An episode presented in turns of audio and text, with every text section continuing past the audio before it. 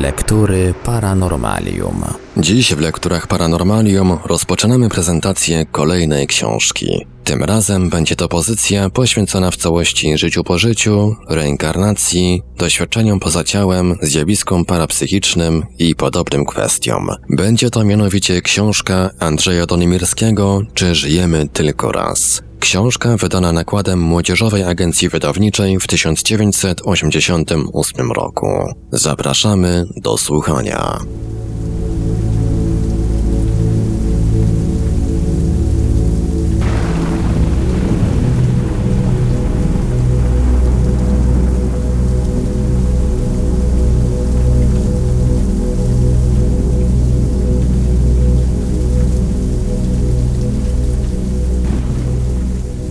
Przestudiowałem wszystkie fakultety. Ach, filozofię, medycynę, prawo i w teologię też niestety do dna samego wgryzł się pracą krwawą. Jak ten głupiec o mądrości wrót stoję i tyle wiem, co wiedział w przód. Dlatego w końcu magii się poświęcił, ufny, że w słowach, co spadną z ust ducha, może tajemnic jakiś się dosłucham, bym w gorzkim trudzie i tłumionym gniewie nie musiał ludziom głosić, czego nie wiem, bym wreszcie poznał poznał, czym jest ta potęga, co wnętrzne siły świata w jedno sprzęga, bym ujrzeć mógł wszechsprawczą moc i ziarno i w słowach grzebać nie musiał na darmo.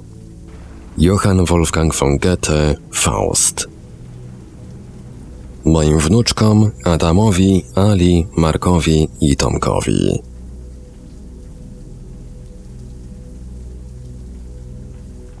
Wstęp kto natomiast pozna siebie, ten będzie wiedzieć także skąd się rodzi. Plotyn, drugi wiek naszej ery. Książka ta jest próbą przedstawienia wybranych teorii i hipotez dotyczących zjawisk, które wskazują na ewentualność życia po życiu. Problem to bardzo trudny. Brak instrumentów, metod czy systemów badawczych umożliwiających jego rozwiązanie. Życiem po życiu zajmuje się co prawda parapsychologia, ale nie odpowiedziała ona jak dotąd na zasadnicze pytania, jakie zadają sobie ludzie interesujący się tym zagadnieniem. Przeciętny człowiek nie zastanawia się przeważnie nad tymi sprawami. Woli przyjmować gotowe wzory czy schematy z dawien dawna obowiązujące i nimi się posługiwać. Psychologowie skarżą się, że ludzie nie próbują ulepszyć działania swego umysłu, bo nie wierzą, że można to zrobić. Stąd myśli ich stają się niejako zautomatyzowane, a wiele poglądów i opinii jest powtarzanymi tylko po innych uprzedzeniami. Przyczyn takiego stanu rzeczy trzeba szukać w historii. Zarówno wiedza, jak i filozofia europejska ubiegłego wieku opierały się na założeniu, że istnieje obiektywny wszechświat, który może być zbadany, a człowiek dzięki swemu rozumowi i zaawansowanemu aparatowi naukowemu jest zdolny poznać wszystkie jego tajemnice. Kryteria rzeczywistości były jasne. Wszystko, co istnieje, mieści się w trójwymiarowej przestrzeni. Materia jest zbiorem niewidocznych maleńkich cząsteczek, atomów, posiadających masę oraz podlegających działaniom niezmiennych praw mechaniki. Każde wydarzenie ma więc swoją przyczynę, którą jest wydarzenie poprzednie. Wszystko to, co kryterium tym nie odpowiada, nie istnieje. Tymczasem w pierwszej połowie XX wieku nowe naukowe poznanie obaliło wiele z tych sądów. Einstein dodał do trzech wymiarów przestrzeni wymiar czwarty, to jest czas, a nowoczesna teoria kwantów założyła istnienie wielowymiarowego wszechświata. Okazało się także, że w świecie dużych cząstek masa jest formą istnienia materii, która z kolei może się zmieniać w energię. Natomiast w świecie atomowym najmniejsze cząsteczki mogą przejawiać się jako fale. W mikroświecie istnieje także możliwość zachodzenia wydarzeń bezprzyczynowych, ponieważ niekiedy ruchy wyprzedzają przyczynę tych ruchów. Mogą więc nie obowiązywać prawa mechaniki. Podobnie naukowcy, którzy chcieli ustalić właściwą hierarchię żywych organizmów oraz granicę dzielącą istoty żywe, obdarzone świadomością i nią nieobdarzone, natrafili na trudności. Okazało się, że świat w swej najgłębszej rzeczywistości nie jest wcale taki, jak to sobie wyobrażano. Wydaje się, że istnieją wymiary i kształty, których naszymi zmysłami w żaden sposób objąć nie możemy. W ostatnich latach prowadzono wiele badań nad zjawiskiem życia po życiu. W niniejszej pracy przytoczono poglądy i hipotezy obejmujące wyniki doświadczeń i badań nad osobami, które znalazły się w stanie śmierci klinicznej i doznały uczucia wyjścia poza swe ciało. Moody, Ozis, Kibler-Ross i inni, jak również wyniki doświadczeń wskazujące na ewentualność reinkarnacji. Stevenson, Detlefson i inni. Te dwa wybrane kierunki badań są bowiem zdaniem autora najciekawsze, a równocześnie najbardziej zaawansowane. I tak na przykład uczeni radzieccy potwierdzili istnienie pola energetycznego otaczającego każdy żywy organizm i przezeń emitowanego. Już bardzo dawno, w czasach antycznych, twierdzono, że ciało fizyczne otacza aura, którą w pewnych szczególnych okolicznościach można zobaczyć. Uważano, że jest ona zbudowana z bardzo rozrzedzonej i niewidocznej materii. Sądzono, że jest niezależna od ciała fizycznego, z którym ma tylko punkty połączenia. W systemie jogi punkty te zwane były czakram i uważane za psychiczne centra kosmicznej energii. Wierzono także, że właśnie owe punkty są miejscami wydzielającymi promieniowanie, dzięki któremu aura może świecić. Postęp techniki umożliwił przeprowadzenie doświadczeń, które udowodniły, iż drugie ciało rzeczywiście otacza nasze ciało fizyczne, a nawet potwierdziły pewne szczegóły dotyczące tej aury. Plutarch w II wieku naszej pisał, że, cytat, różne ludzkie aury zmieniają się zależnie od stanu fizycznego i psychicznego człowieka. Uczeni radzieccy stwierdzili, że promieniowanie emitowane przez organizm ludzki może być, zależnie od samopoczucia człowieka, jasne lub zamglone, a także kolorowe lub bezbarwne. Istnienie ciała energetycznego, zwanego również bioplazmatycznym, jest jednak ciągle kwestionowane. Przykłady oderwania się ciała energetycznego od fizycznego są przecież nieliczne. O takim oderwaniu się opowiadają przeważnie ludzie, którzy przeżyli stan śmierci klinicznej. Ale istnieją również relacje o wypadkach odłączania się ciała energetycznego od fizycznego podczas działania narkozy lub po zażyciu środków oszałamiających. Pacjent będący w stanie narkozy pozostaje w mniejszym lub większym stopniu świadomy. Po operacji potrafi on niekiedy opisać, co działo się na sali, zrelacjonować rozmowy pomiędzy lekarzami i pielęgniarkami, a także inne wydarzenia. Drugi kierunek badań, który zainteresował autora, to badania nad zjawiskiem reinkarnacji, czyli życia przed życiem. I tu, podobnie jak poprzednio, idee starożytnej filozofii są niejako uzupełniane przez badania współczesne. Poczynając bowiem od najstarszych czasów, szczególnie na wschodzie przyjmowano zasadę, iż osobowość człowieka pojawia się na Ziemi wielokrotnie, przebierając za każdym razem inne ciało fizyczne. Twierdzono, że ta wielość żywotów ma za zadanie kształcenie i doskonalenie osobowości, która poprzez gromadzenie różnorakich doświadczeń, poprzez upadki i wzloty może się rozwijać i podnosić na coraz wyższy poziom. Jedno krótkie życie nie daje w tym względzie żadnych prawie możliwości, stwarza je natomiast cały ciąg żywotów realizowanych w różnych warunkach w czasie setek lub tysięcy lat. Streszczonych tu twierdzeń w ówczesnych czasach nie potrafiono w pełni uzasadnić. Starożytna idea reinkarnacji ma wiele luk i niedomówień, na przykład nie wyjaśnia braku pamięci żywotów poprzednich. Niemniej idea długofalowego, mówiąc językiem współczesnym, kształcenia się, szczególnie w dziedzinie etyki i moralności, jest w zasadzie logiczna. Nic więc dziwnego, że przetrwała do dziś w wielu rejonach kuli ziemskiej, i że niektórzy współcześni badacze poświęcają jej wiele uwagi. W książce przedstawiono pokrótce stan badań nad tym problemem, ze szczególnym uwzględnieniem wyników prac lekarzy psychiatrów, analizujących przypadki wspomnień z poprzedniego życia, badań pod hipnozą w postaci prób cofania pacjentów w czasie do ewentualnego poprzedniego życia, próby weryfikacji otrzymanych informacji itd. Tak są to jednak dopiero początki badań i używając poetyckiego określenia, kroki w nieznane. Wyciąganie wniosków czy proponowanie jakichś ostatecznych stwierdzeń nie jest celem niniejszej książki. Wręcz przeciwnie, chodzi o postawienie generalnego pytania, czy czas, przestrzeń oraz śmierć są podstawowymi atrybutami, którym podlega nasza egzystencja. Wyobrażenie rzeczywistości, jakie wyrabiamy sobie na podstawie świadectwa naszych zmysłów, utwierdza nas w przekonaniu, że znajdujemy się w konkretnym konkretnym czasie i w konkretnym punkcie przestrzeni oraz przeżywamy konkretne wydarzenia. Uważamy także nasze ciało fizyczne za swego rodzaju maszynę, która ciągle się zużywa, aż w końcu odmawia posłuszeństwa. Tymczasem w większości dawnych systemów filozoficznych występuje przekonanie, że poza fizyczną rzeczywistością jest jeszcze inna rzeczywistość, w której ograniczenia przestrzeni, czasu oraz śmierci nie są tak zupełnie jednoznaczne. Najnowsze odkrycia fizyki, biologii, psychologii i innych nauk mogą skłaniać do poglądu, że twierdzenia te być może w jakimś sensie są zbliżone do prawdy. Niektórzy uczeni dają nawet wyraz przekonaniu, że nasze zmysły w ogóle nie są zdolne przekazać nam właściwego obrazu wszechświata, bo zostały stworzone dla ułatwienia nam życia w ograniczonym ziemskim tylko środowisku, a ich najistotniejszą funkcją jest selekcjonowanie rozmaitych i pomieszanych wzajemnie informacji, niezbędnych do najłatwiejszego przeżycia. Sytuacja jest więc trudna i skomplikowana. W większości nastręczających problemów w ogóle ogóle nie przeanalizowano. Badania pozostałych znajdują się we wstępnej dopiero fazie. W książce zaprezentowano więc cząstkowe tylko informacje uzyskane na podstawie skąpej i trudno dostępnej literatury. Praca ta nie jest, co należy podkreślić, dziełem oryginalnym. Stanowi jedynie zbiór poglądów i hipotez, jakie pojawiły się w związku z badaniami nad ewentualnością życia po życiu i życia przed życiem.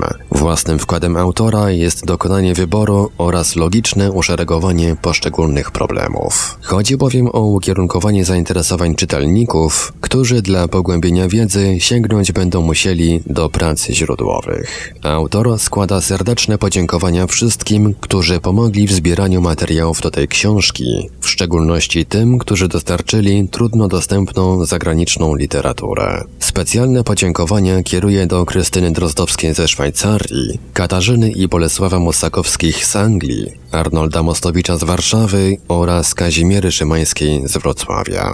Żonie Halinie dziękuję za wielki wkład pracy w przygotowanie książki. Część pierwsza hipotezy o nieznanych aspektach naszej istoty. Rozdział pierwszy. Parapsychologia lat 70. Badania prowadzone na wschodzie i zachodzie, próby wyjaśnienia zjawisk parapsychologicznych, wyniki niektórych doświadczeń. O naszej własnej świadomości wiemy dziś na pewno nieporównanie mniej niż wiedział Thales z Miletu o budowie wszechświata. O naturze samej świadomości nie wiemy dosłownie niczego. Mamy świadomość posiadania świadomości i to wszystko. Michał Heller Termin parapsychologia powstał w 1922 roku. Początkowo określono nim badania z pogranicza psychologii prowadzone nad zjawiskami psychicznymi, których istnienie było kwestionowane przez ówczesną naukę. Obecnie parapsychologia zajmuje się zjawiskami takimi jak telepatia, jasnowidzenie w czasie i przestrzeni, psychokineza, czyli oddziaływanie z odległości na przedmioty, radiestezja inaczej różdżkarstwo. Zjawiska te, nie dające się na razie uzasadnić naukowo, interesują również, oczywiście w pewnym tylko zakresie, przeciwników irracjonalizmu, uznających wzajemne oddziaływanie między psychiką i systemem fizycznym, począwszy od konwersji między różnymi postaciami energii za możliwe. Stąd określenie parapsychologia zostało zastąpione bardziej popularnym terminem psychotronika, jeszcze zaś później parafizyka. Przedstawianie awangardowych badań z tej dziedziny zacznijmy od krajów wschodniej Europy. I tak na przykład w Związku Radzieckim w latach 60. i 70. zaznaczył się wzrost zainteresowania zjawiskami z pogranicza parapsychologii oraz osiągnięciami telepatii i psychokinezy. Szczególnie ciekawe wyniki uzyskali uczeni badający łączność biologiczną między różnymi gatunkami roślin. Zjawisko to, ich zdaniem, polega na promieniowaniu elektromagnetycznym o bardzo dużej częstotliwości, około 1,2 GHz.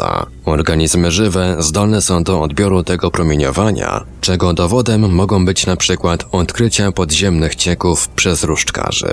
Doktor Zdenek Rejdak z Czechosłowacji interesuje się telepatią, czyli przekazywaniem myśli na odległość, medytacją psychiczną, czytaniem za pomocą dotyku oraz stawieniem diagnozy dotyczącej całego ustroju jedynie na podstawie badania dna oka pacjenta. Również w wielu krajach zachodnich prowadzi się podobne obserwacje. John Hasted, fizyk z Uniwersytetu w Londynie, zajmuje się psychokinezą. Swego czasu prasa informowała o medium Rosemary Brown, która w czasie seansów komponowała utwory muzyczne inspirowane przez słynnych twórców, m.in. Liszta, Chopina, Schuberta i Beethovena. Były one później analizowane przez znawców, którzy ze zdumieniem stwierdzili ich prawie całkowitą zbieżność z dziełami oryginalnymi. Naukowiec zachodnio-niemiecki Hans Bender obserwował osoby nawiedzone dokonujące czynów niezgodnych z prawami fizyki. Stwierdził na przykład, że pewna dziewczyna zdolna była rozregulować na odległość urządzenia elektryczne i sieć telefoniczną oraz mogła przesuwać również z dystansu szafę ważącą ponad 180 kg.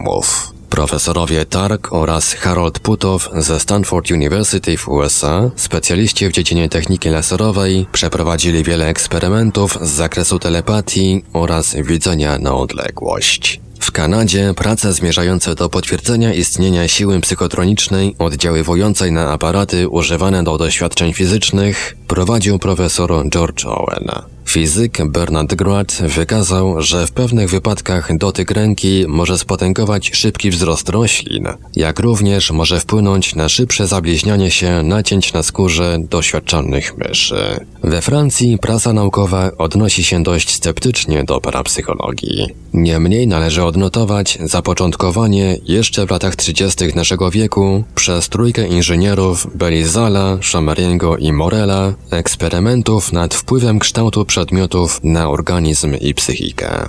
Obecnie doświadczenia te są kontynuowane przez La Foresta i Rawatyna. Zjawiskami parapsychologii interesował się również światowej sławy uczony, znany ze swoich osiągnięć w dziedzinie fizyki kwantowej Beauregard, który porównywał je do zjawisk subatomowych. Na podstawie tych i wielu innych doświadczeń stwierdzono, że psychika człowieka może wyłamywać się z ciągłości czasu i przestrzeni, głównie w sytuacjach zagrażających egzystencji. W przeważających przypadkach jest to śmierć. Słynny uczony szwajcarski Carl Gustav Jung wspólnie z fizykiem Wolfgangiem Paulim sformułował teorię synchronizacji, według której wyłomy te następują zawsze w warunkach archetypowych, w sytuacjach granicznych, poruszających najgłębsze warstwy podświadomości, zwłaszcza zaś w warunkach zagrożenia życia. Związek zjawisk paranormalnych ze sferą emocjonalną ogromnie utrudnia prowadzenie prac badawczych. Zjawisk tych nie można bowiem odtwarzać, a procesy ich wyzwalania nie są ostatecznie znane. Jak dotąd wydaje się, że mogą one być funkcjami podświadomości,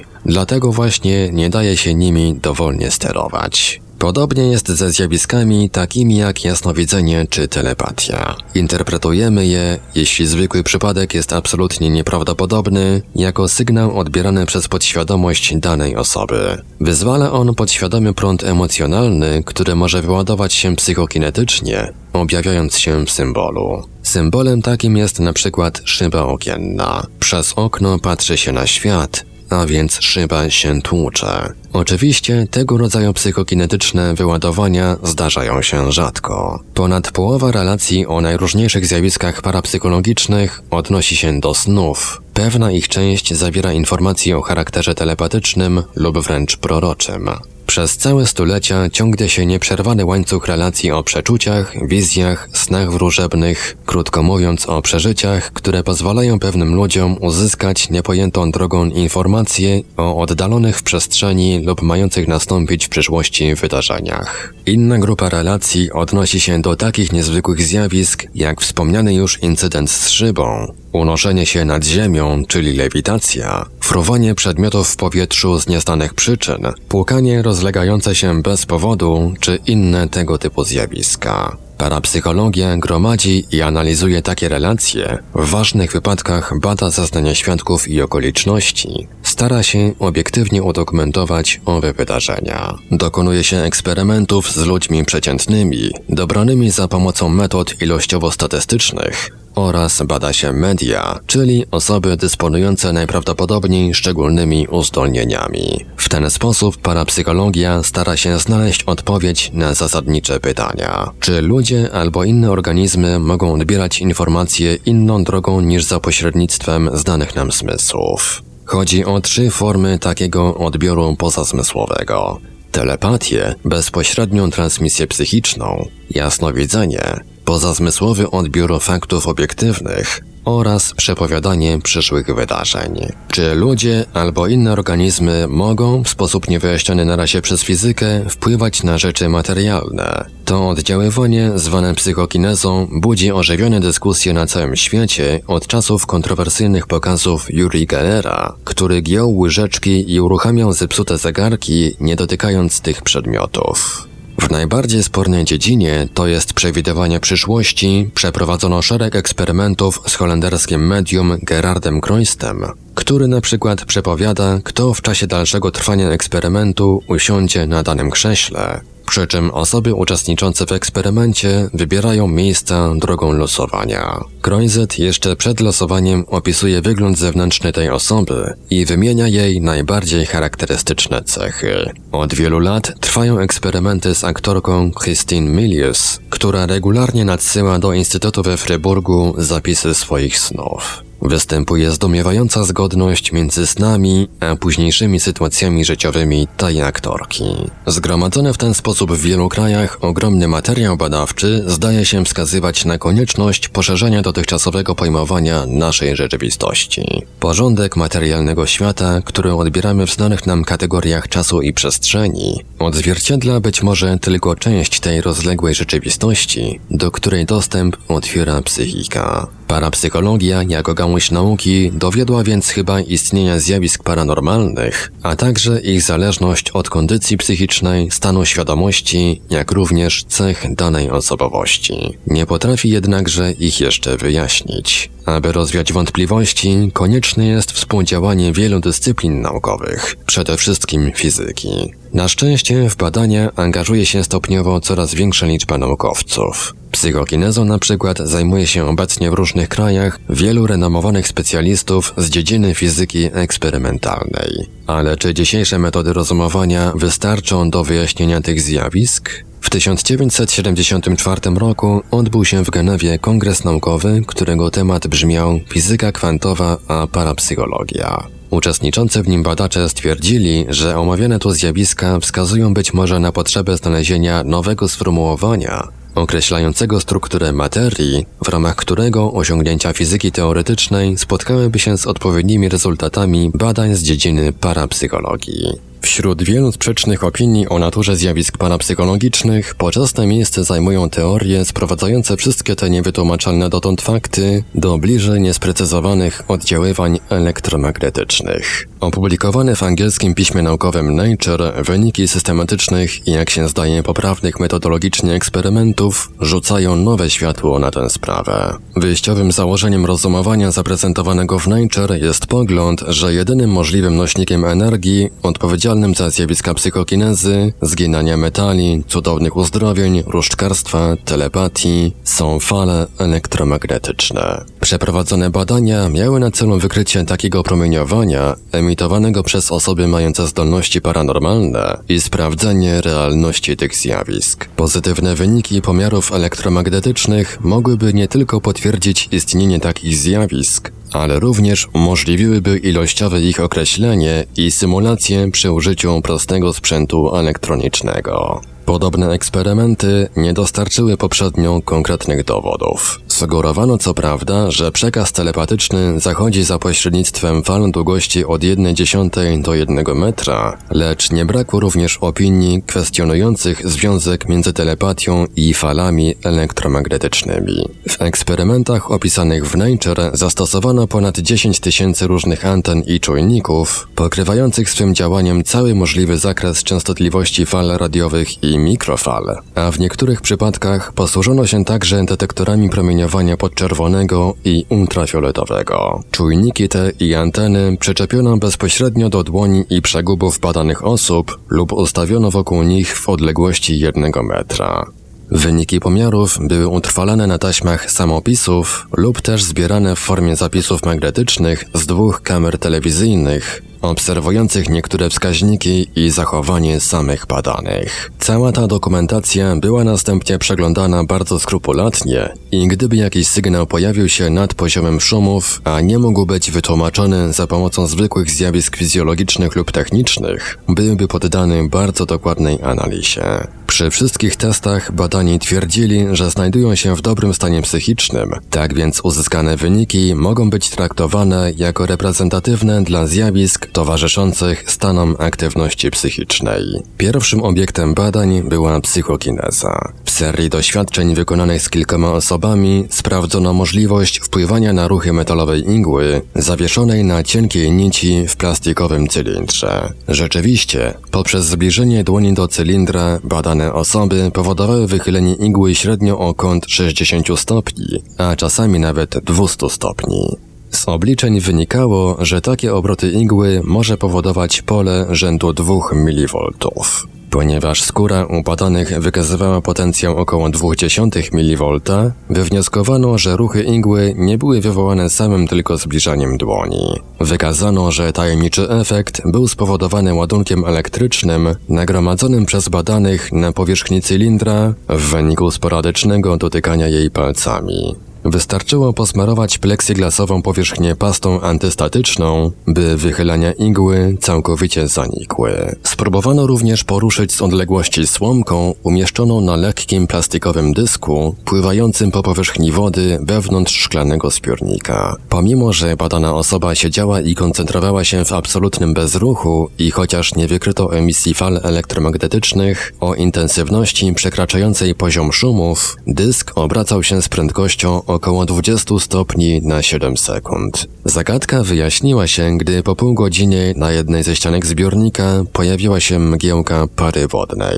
Okazało się, że ruch pływaka ze słomką wynikał z działania elektrycznego piecyka stojącego obok, którego promieniowanie powodowało ruchy konwekcyjne wody i powietrza w szklanym zbiorniku. Po wyłączeniu piecyka słomka nie drgnęła. Kolejne doświadczenie psychokinetyczne dotyczyło badania ruchów igły magnetycznej. Jednakże i w tym przypadku nie udało się uchwycić żadnych sygnałów elektromagnetycznych, chociaż w momencie, gdy badane osoby przesuwały dłonie w odległości 5-10 cm od kasety kompasu, igła obracała się.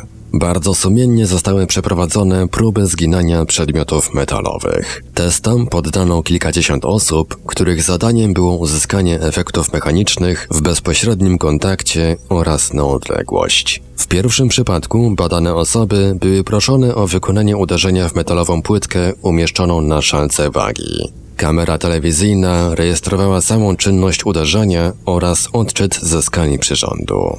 Do przedramienia osoby badanej były przymocowane czujniki elektromiografu, dzięki któremu można było porównywać efekty uderzenia w przedmiot z rzeczywistą siłą wywieraną przez mięśnie ręki.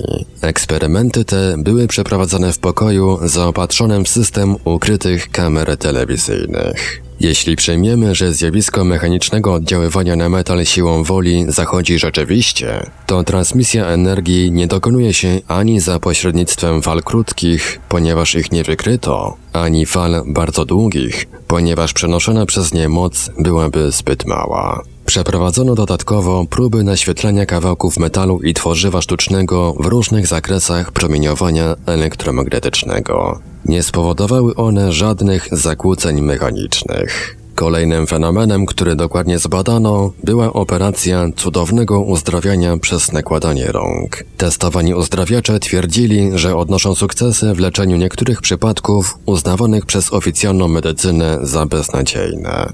Pacjenci poddający się tym praktykom mieli wrażenie nagłego zimna lub gorąca spływającego na ich ciała z dłoni uzdrawiaczy. Również w tym przypadku nie stwierdzono przepływu sygnałów elektromagnetycznych między leczącym i pacjentem, tak przy bezpośrednim kontakcie, jak i przy leczeniu na odległość. Dzięki zastosowaniu detektorów podczerwieni wykazano, że wrażenia cieplne uzdrawiaczy i ich pacjentów nie odpowiadają w jakimkolwiek stopniu obiektywnej temperaturze ciała w dotykanych miejscach. O elektromagnetycznej naturze zjawisk paranormalnych miało przede wszystkim świadczyć zjawisko przesyłania na odległość myśli drugiego człowieka, czyli telepatia. W omawianych tutaj badaniach próbowano więc wychwycić sygnały elektromagnetyczne niosące informacje wysyłane przez trzy osoby, które twierdziły, że mają zdolności telepatyczne i jeszcze jedną, która rzekomo wiedziała na odległość, to jest jakoby potrafiła opisać dokładnie odległe, nieznane sobie miejsca. Jednak i w tych przypadkach, podobnie jak przy wszystkich innych doświadczeniach, nie udało się wykryć żadnych sygnałów, ani też nie stwierdzono, aby kontakty telepatyczne istotnie miały miejsce. Można sobie wyobrazić, że istnieje elektromagnetyczny przekaz energii pod postacią bardzo wąskich impulsów, trwających krócej niż czas reakcji zastosowanych detektorów. Z drugiej jednak strony nie znamy żadnych mechanizmów fizjologicznych zachodzących w ciele ludzkim, umożliwiających powstanie takich efektów, dostarczających dla nich energii i uwalniających w bardzo krótkotrwałych impulsach moce rzędu kilku gigawatów. Trudno nawet przypuścić, aby było to możliwe bez zniszczenia tkanek organizmu zaangażowanego w taki proces. Trzeba więc stwierdzić, że zjawisk paranormalnych jak dotąd nie daje się wytłumaczyć na gruncie współczesnej fizyki. Należy więc chyba poszukiwać innych sposobów ich interpretacji. Rozdział drugi poza ciałem, czyli zjawisko OB. Już w starożytności było rozpowszechnione przekonanie, że poza swoim ciałem fizycznym człowiek ma drugie ciało, stanowiące jakby niewidzialną otoczkę pierwszego. Starożytni Egipcjanie zwali je K. Wierzono, że jest ono ściśle związane z ciałem fizycznym, stąd mumifikowanie zmarłych dla przedłużenia istnienia K. Starożytni Grecy, w szczególności zwolennicy Orfików i filozofii Pitagorasa, wierzyli, iż człowiek ma duszę, która może we śnie odbywać długie wędrówki. Neoplatończycy, drugi wiek naszej ery, nazywali drugie ciało astroidą. Paracelsus pisał o ciele syderycznym, Hinduscy kapłani mówili o podróżach duszy w czasie głębokiego snu. To drugie ciało miało się składać z wszystko przenikającej, ciągle płynnej i stale odnawiającej się niesłychanie delikatnej materii. Ta właśnie materia miała być rzeczywistą nosicielką siły życia, często była z nią nawet identyfikowana. Drugie ciało zwano ciałem astralnym. Nazwa ta, błędna według obecnych pojęć, przetrwała do naszych czasów. W pochodzących ze średniowiecza świętych księgach tybetańskich, przechowywanych w buddyjskich klasztorach, księgi te tylko częściowo odczytano, są zawarte podobne twierdzenia. Ciało człowieka otoczone ma być niebieskawym światłem szerokości 2,5 do 5 cm, a nasilenie kolorów zależeć ma od zdrowia i stanu psychicznego. Aureola ta jest zróżnicowana zależnie od wykształcenia danej osoby, sposobu myślenia, poziomu etycznego i temu podobne. Gdybyśmy to ciało mogli zobaczyć, z jego kolorów i rozmiarów bezbłędnie odczytalibyśmy stan zdrowia, zarówno fizycznego, jak i psychicznego człowieka. Jak widać, mądrości tybetańskie niewiele odbiegają od poglądów starożytnych filozofów Zachodu, jak również, o czym niżej, od niektórych dzisiejszych poglądów. Nazwa OB jest skrótem angielskiego zwrotu Out of the Body Experiences, co oznacza doświadczenia z pobytu poza ciałem. Co właściwie wiemy na ten temat? Publikacje niektórych badaczy radzieckich podają, że wszystkie żywe organizmy, rośliny, zwierzęta i ludzie mają nie tylko ciało fizyczne składające się z atomów i cząstek, lecz również drugie, stale towarzyszące mu ciało, które najogólniej można nazwać ciałem energetycznym. Duplikat ten składa się z plazmy, czyli jest ciałem bioplazmatycznym. Wiadomo zaś, że plazma oznacza w fizyce czwarty stan materii. Ciało energetyczne reagować ma na barwy, szmery, muzykę oraz na bezpośrednie działanie pola elektromagnetycznego. Jest ono spolaryzowane, to znaczy przedstawia pewien rodzaj schematu organizacyjnego. U człowieka, któremu na przykład amputowano nogę lub rękę, ten nieistniejący członek nadal jest otoczony ciałem energetycznym. Naukowcy radzieccy Siemion i Waleria Kirlianowie przeprowadzili szereg doświadczeń mających na celu uwidocznienie ciała energetycznego. Pewnego dnia obserwowali oni pacjenta podłączonego do aparatu wysokiej częstotliwości w celu przeprowadzenia przeprowadzenia elektroterapii i zauważyli wyładowania elektryczne przebiegające między ciałem a elektrodami. Kirlian postawił sobie wówczas pytanie, czy można coś takiego sfotografować. W tym momencie zrodził się pomysł, który przyniósł radzieckiemu uczonemu wiele patentów naukowych i sławę. Po prawie 10 latach doświadczeń Kirlianowie udoskonalili specjalną aparaturę własnej konstrukcji na tyle, że mogli sfotografować tę bioluminescencję. Zerowany z drzewa liść, umieszczony w strumieniu wysokiej częstotliwości, ma tysiące punktów energetycznych. Wokół brzegu widać turkusowe i czerwonawe wzory płomieni wychodzących ze specyficznych kanałów wewnątrz liścia. Palec ludzki wygląda natomiast jak skomplikowana topograficzna mapa z liniami, punktami, kraterami świetlnymi itd.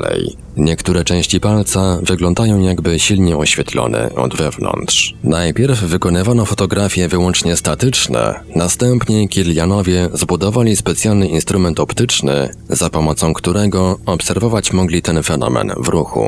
I tak na przykład Kirlian trzymał swą rękę pod soczewką i włączał prąd. Ręka wyglądała jak droga mleczna na nocnym gwieździstym niebie. Na niebieskawo-złotym tle działo się coś, co przypominało fajerwerk. Rozpalały się wielobarwne pochodnie, potem iskry i błyskawice. Niektóre światła jarzyły się dłużej, jak kule świetlne, inne iskrzyły się tylko. Jak uwidoczniła to kamera Kiliana, otoczka energetyczna, ciało bioplazmatyczne zmienia swą barwę i intensywność koloru wraz ze zmianami stanu zdrowotnego i psychicznego człowieka. Rosyjski biolog Edward Naumow uznał odkrycie Kiliana za jedno z ważniejszych wydarzeń w radzieckich badaniach parapsychologicznych. Stwierdzono bowiem w ten sposób istnienie w ciele człowieka prądów, które nie należą ani do krwiobiegu, ani do układu nerwowego i przypuszczalnie nie są prądami natury elektrycznej. Poza tym, dzięki efektowi Kirliana, można już dziś zlokalizować w ciele ludzkim z dokładnością do 1,1 mm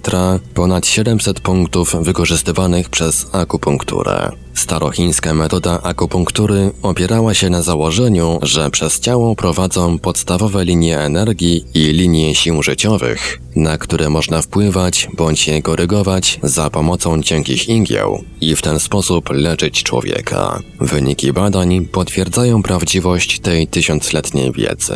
Dzięki efektowi Kirliana możliwe stało się także wcześniejsze rozpoznanie choroby w niestany dotychczas sposób, ponieważ każda choroba występuje prawdopodobnie najpierw w bioplazmie, a dopiero później w ciele fizycznym. Również uczeni amerykańscy przeprowadzili w latach 1965-75 szereg badań nad realnością istnienia ciała energetycznego. Stwierdzono, że wielu ludzi, jeżeli nie wszyscy, ma to drugie ciało. Z nieznanych dotąd przyczyn oraz w wyniku nie wiadomo na jakiej podstawie działających sił, ciało energetyczne może od czasu do czasu rozłączyć się z ciałem fizycznym. Niektóre osoby, bardzo nieliczne, mają nawet wrodzone niejako zdolności do chwilowego opuszczenia swego ciała fizycznego i przebywania tylko w ciele energetycznym bez utraty świadomości. Ogromna większość tego rodzaju wypadków może się zdarzyć podczas snu. Durville w książce pod tytułem Ciało astralne człowieka pisze m.in. Cytat: Podczas gdy ciało fizyczne odpoczywa, ciało fluidalne, energetyczne oddzielić się może od niego. To ciało fluidalne dysponuje znacznie szerszymi możliwościami aniżeli ciało fizyczne i stąd w czasie opuszczania tego ostatniego uniezależnia się w dużym stopniu od ogólnie obowiązujących praw fizyki. Może ono na przykład przenosić się na ogromne odległości w ułamkach sekund lub nawet bezczasowo. Ciało to jest dla naszych zmysłów nie do uchwycenia, ponieważ składa się z bardzo rozrzedzonej materii. Niemniej specjalnie uzdolnieni magnetyzerzy mogą czasami dostrzegać ciało fluidalne opuszczające ciało fizyczne. Koniec cytatu. W wyniku systematycznych badań dr Carlis Ozis, dyrektor zespołu do analizowania zjawisk OB w Nowym Jorku, od lat zbierający doświadczenia z tego zakresu, doszedł do wniosku, że tylko bardzo nieliczni są w stanie opuszczać swe ciało. Ozis stwierdził także, iż zjawisko to zachodzi najłatwiej, gdy ciało fizyczne znajduje się w pozycji leżącej lub w stanie wyjątkowo silnego napięcia nerwowego, stresu czy też wręcz odwrotnie, jest w największym spokoju, odprężeniu, na przykład podczas snu. Inny badacz amerykański, dr Maxey, pisze, albo setki tego rodzaju doniesień w ciągu wielu lat są rezultatem masowej histerii, albo nasza psyche może w pewnych warunkach funkcjonować niezależnie od połączenia z korą mózgową. Koniec cytatu. Jeżeli jednak uznamy popularne opisy tych zjawisk za materiał bez żadnej wartości naukowej, to pozostają badania prowadzone w warunkach laboratoryjnych. Prowadziła je m.in. dr Celia Green, której udawało się niekiedy spowodować świadome opuszczenie swego ciała u pacjentów specjalnie w tym kierunku trenowanych, by wyleczyć ich z urazów nabytych w dzieciństwie.